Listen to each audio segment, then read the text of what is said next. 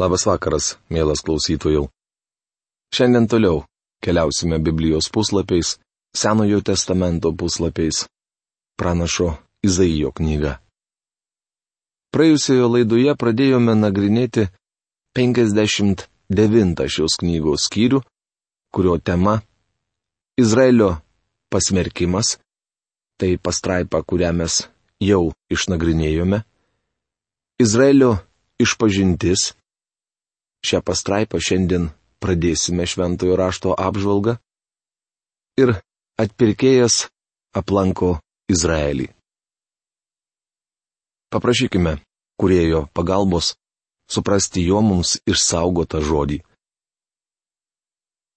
Dangiškasis tėve, mes dėkojame tau, kad turime kelią, kuriuo galime ateiti pas tave. Ir tas kelias pats apie save minėjo Evangelijose prieš beveik du tūkstančius metų. Tai Kristus Jėzus, kuris sakė, aš esu kelias, tiesa ir gyvenimas.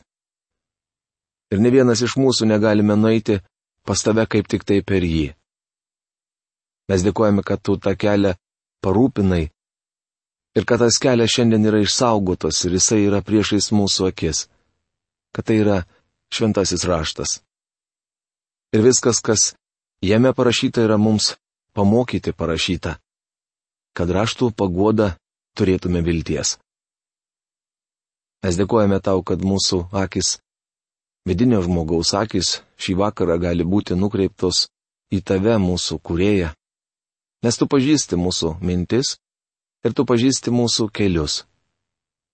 Tu matai, dangaus Dieve, kaip mes klaidžiujame šiame pasaulyje, nesuprasdami tavo plano kai mes trokštame vykdyti kūno norus. Bet dėkojame tau, kad tu pašaukiai mus į tą artimą bendravimą, o pašaukęs davai pažadą, kad pats ir įvykdysi amžinai pašaukimą. Prašom, kad padėtum mums šiandien suprasti tai, ką esi parengęs. Išliek savo dvasios šventos į kiekvieną širdį ir paliesk kiekvieną, kuris dabar klausosi tavo žodžio aiškinimo. Jėzaus Kristaus vardu. Amen. Taigi, Izraelio išpažintis. Todėl taip toli nuo mūsų teisingumas, nepasiekia mūsų teisumas. Laukiame šviesos, bet tamsu. Laukiame aiškumo, bet vaikštome patamsyje. Izaijo knygos 59 skyriaus 9 eilutė.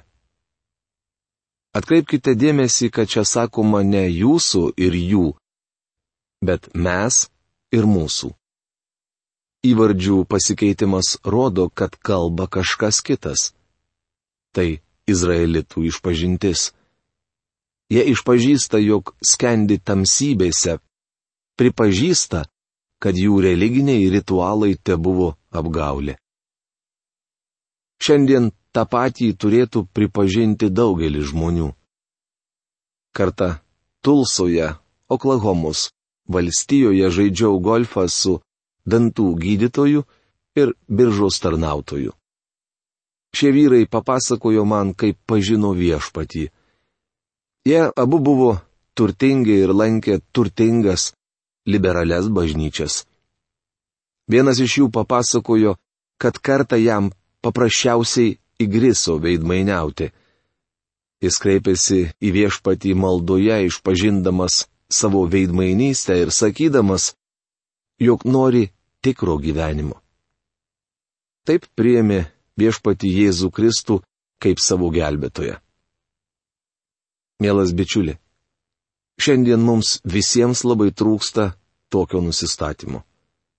Jis iš tikrųjų galėtų pažadinti mūsų bažnyčias paklausykite Izraelio išpažinties. Kaip akli palei sieną einame apgraibomis, kaip žmonės be akių, dvėjodami dėl kelio. Pargriuvame vidudienį, lik būtų prieblanda. Gyvename tamsybėse, kaip numirėliai. Izaijo knygos 59 skyriaus 10 eilutė. Matote? Jie skendi tamsybėse. Šie žodžiai puikiai apibūdina žmogų neturintį asmeninio ryšio su Dievu. Tačiau ateityje Izraelis išpažins savo kaltę ir paliks savo nuodėmę. Bičiuli, mūsų išpažintis Dievui turėtų būti labai konkreti.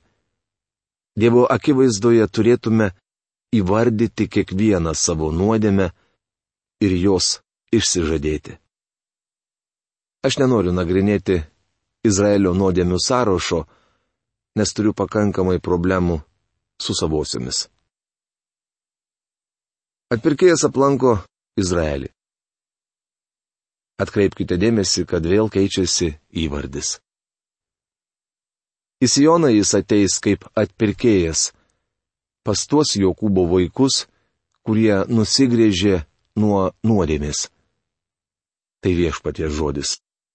Izaijo knygos 59 skyriaus 20 eilutė. Daugelis klausia, ar bus išgelbėta visa tauta. Ne. Nes kaip laiško romiečiams 9 skyriaus 6 eilutėje rašo apaštalas Paulius, ne visi, kilę iš Izraelio, priklauso Izraeliui. Išgelbėtas bus tik likutis. Regis panaši situacija yra visose bažnyčiose. Iš visų narių tik nedidelė dalis yra iš tikrųjų išgelbėti.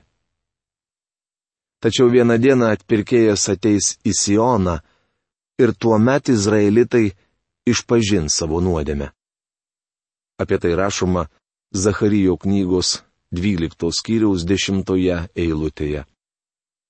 Ant Davido namų ir Jeruzalės taip išliesiu malonės ir maldavimo dvasę, kad žvelgdami į tą, kurį perverė, jie raudos, kaip raudama vienturčio vaiko, ir sielvartaus, kaip sielvartaujama pirmagimio sunaus. Tai sandora, kurią aš sudariau su jais, sako viešpats. Mano dvasia esanti virš tavęs, nuo tavęs nepasitrauks, ir mano žodžiai įdėti tau į lūpas, liks tavo lūpose, tavo vaikų lūpose ir tavo palikonių lūpose, sako viešpats, dabar ir per amžių amžius.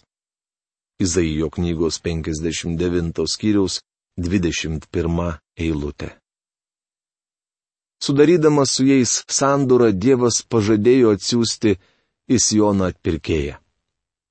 Dievas neužmirš savo pažado, nes tai jo plano dalis. Laikui atėjus, visa tai išsipildys. Izaijo knyga 60 skyrius. Tema - atpirkėjas ir pagonys ateina į Jeruzalę, Izraelio sugrįžimas į Jeruzalę, Jeruzalėje išsipildo visi Dievo pažadai. Įtariu, kad paskutinė Izaijo knygos dalis daugeliu žmonių yra tarsi neištirta žemė, nes pranašų mokyklose ši šventojo rašto atkarpa nenagrinėjama. Šešiasdešimtame šios knygos skyriuje kalbama apie teisumo saulę, patekančią virš Izraelio.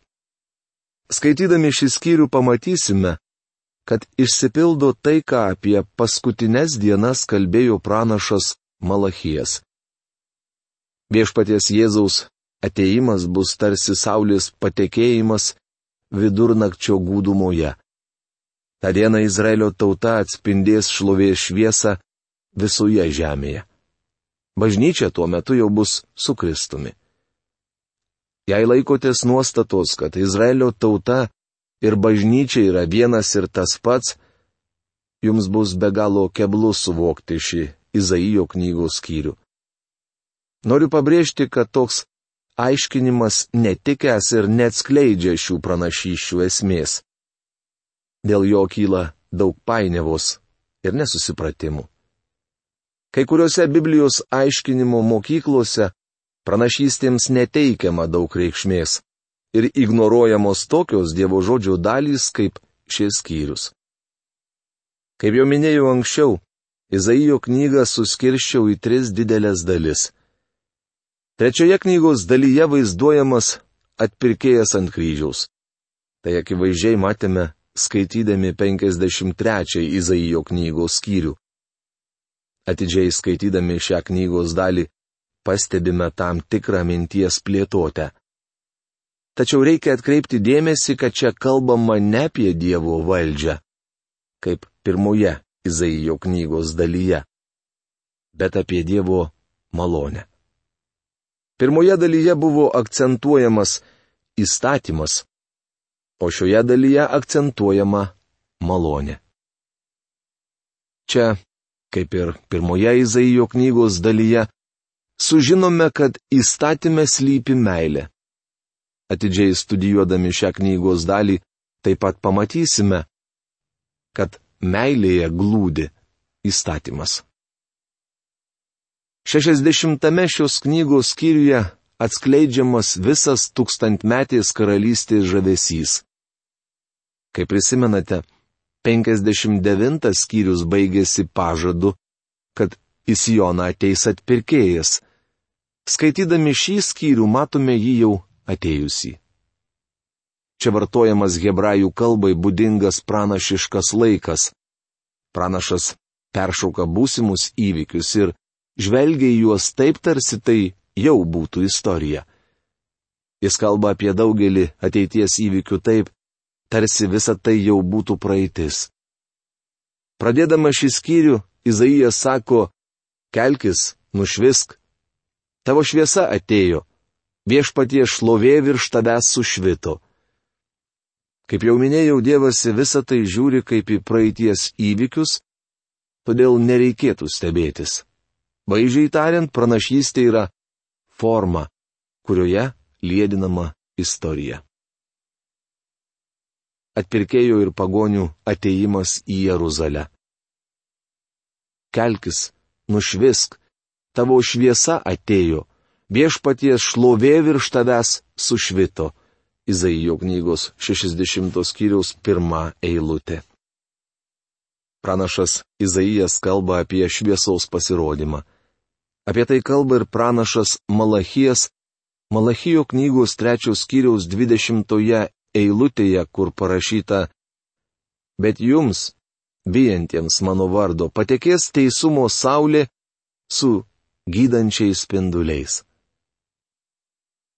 Nors žemė gaubė sutemus ir tautas dengia tamsybės, virš tavęs šviečia viešpats, virš tavęs apsireiškia jo šlovė. Izaijo knygos 60 skyriaus antra eilutė. Viešpats Jėzus Kristus yra pasaulio šviesa. Taip jis apibūdino save būdamas žemėje. Atėjęs antrą kartą jis taip pat bus šviesa. Žodžiai Žemė gaubė sutemos reiškia, kad šviesos pasirodymas būtinas. Nors Evangelija skelbiama jau beveik 2000 metų, Žemė vis labiau apgaubė tamsa. Prieš būsimuosius palaiminimus turi ateiti šviesa. Kad prasidėtų tūkstantmetė karalystė, turi patekėti teisumo saulė. Dievas nesakė, kad Evangelijos skelbimas priartins tūkstantmetę karalystę. Tai gali padaryti tik šviesa. O kas yra šviesa? Aišku, kad viešpats Jėzus. Į Sioną turi ateiti atpirkėjas, kuris trauks tolimų kraštų pagonis. Tautos ateis prie tavo šviesos ir karaliai prie tavo tekančio spindesio. Izaijo knygos 60 skyriaus 3 eilutė. Mano įsitikinimu, didžiausias prabudimas dar ateityje. Laiško romiečiams 11 skyriaus 15 eilutėje apaštalas Paulius rašo. Juk jeigu jų atmetimas pasauliui reiškia sutaikinimą, tai kągi reikštų jų prieimimas, jei negyvenimą prisikėlus iš numirusių. Ta diena Izraelio tauta ir visas pasaulis prisikels. Mes su jumis gyvename ant mažo žemės grumsto, kuris yra tik puošnios kapinės pakelk akis, pažvelk aplinkui. Visi renkasi eiti pas tave, tavo sūnus ateis iš toli, tavo dukterys bus atneštos ant rankų. Izaijo knygos 60 skyriaus ketvirtą eilutę. Profesorius Algirdas Jurienas šią eilutę verčia taip. Tavo sūnus ateis iš toli ir tavo dukterys bus nešamos ant auklių šlaunies. Maištinga išblaškyta tauta grįš į pažadėtą į kraštą, bet tik tuo met, kai paklus Dievui. Silpnesnės mergaitės bus nešamos ant šlaunies, kaip rytų šalise nešiojami vaikai. Tai matydamas spindėsi iš džiaugsmo, tavo širdis virpės ir džiugaus, nes tau bus išpilti jūros lobiai, pas tave suplūs tautų turtai. Izaijo knygos 60 skyriaus 5 eilutė. Šioje eilutėje skaitome, kad sausuma, jūra ir orų į Jeruzalę plūs visos tautos. Tai bus nepakartojamas įvykis. Apguls tave kupranugarių vilkstinis, Midjanų ir Efos vienkupriai. Atvyks visi šiebo žmonės auksų ir smilkalais nešini ir skelbs viešpatie šlovingus darbus.